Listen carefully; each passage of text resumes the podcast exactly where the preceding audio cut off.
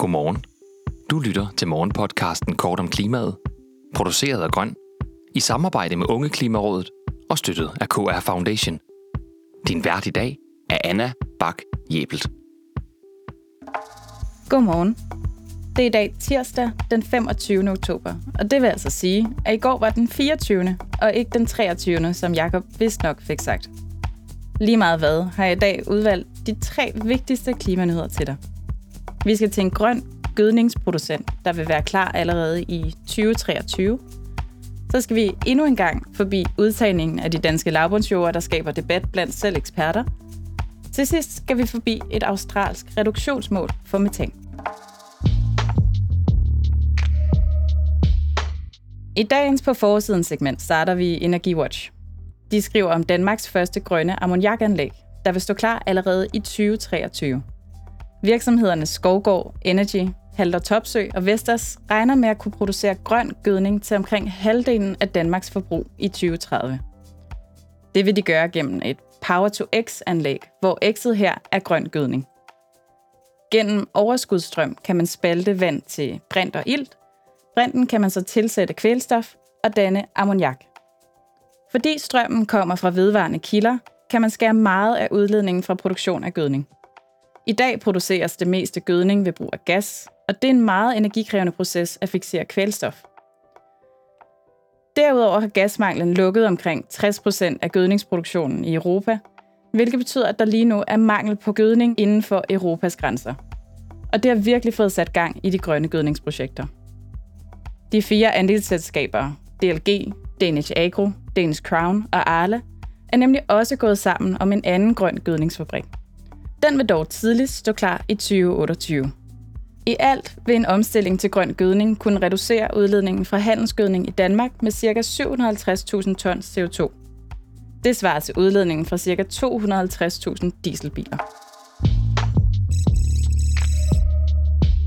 I segmentet under radaren skal vi til DR, der skriver om den efterhånden dundrende hovedpine, der er udtalt landbrugets kulstofholdige og klimaskadelige lavbundsjord. De 100.000 hektar udtagende lavbundsjord lærer nemlig i den grad vente på sig.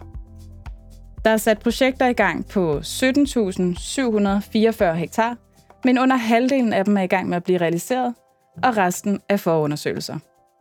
Og ifølge professor og institutleder fra agroøkologi på Aarhus Universitet, Jørgen E. Olesen, kan den nuværende ordning ikke løse udfordringen med at udtage jordene i tide. Jordejerne skal nemlig frivilligt gå med til at afgive deres jord, og det kræver i de fleste tilfælde, at der kommer en erstatning i form af noget andet jord eller nogle penge. Derudover kan landmænd få afvist ansøgningen, hvis klimaeffekten vurderes som værende for lille.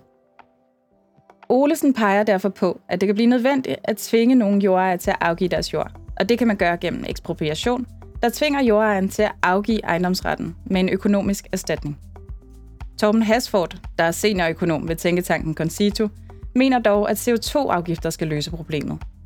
Han udtaler, at vi har nogle jorder, som udleder drivhusgasser.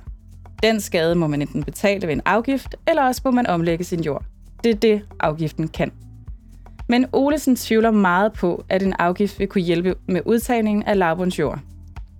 Det er nemlig nogle meget komplekse processer, og kan derfor være svært at udregne for den enkelte bedrift. Heldigvis er der udpeget en ekspertgruppe, der efter valget skal hjælpe med til at realisere landbrugets grønne potentiale, som Fødevareministeriet selv skriver det. Dagens solstrålehistorie kommer fra AgriWatch. De skriver, at Australien har tilsluttet sig målet om en 30% reduktion af metangasser i 2030. Det vil sige, at Australien nu følger med EU's, USA's og 11 andre landes løfter om at reducere udledningen af metangasser. Og eftersom Australien er verdens 11. største udleder af metan, kommer det ikke til at være uvæsentligt. Metanudledningen kommer ligesom fra de fleste andre lande fra landbruget, men Australien har også en stor mineindustri, der udleder store mængder metan. Det betyder, at metanen står for hele 24 procent af landets emissioner. Det er en særligt stor solstrålehistorie, eftersom Australien indtil for nylig har været håbløst fodslæbende i forhold til klimahandling, og først lige er kommet med på vognen. Det gjorde de i september, hvor regeringen vedtog et bindende klimamål på en 43% reduktion af drivhusgasemissionerne inden 2030 i forhold til 2005-niveauet. Og til med et mål om klimaneutralitet i 2050. Tak fordi du lyttede med til Kort om Klimaet. Vi har alle ugens hverdag udsendelsen klar kl. 8. Hvis du vil høre den med det samme, så gå direkte ind på vores feed på kortomklimaet.dk.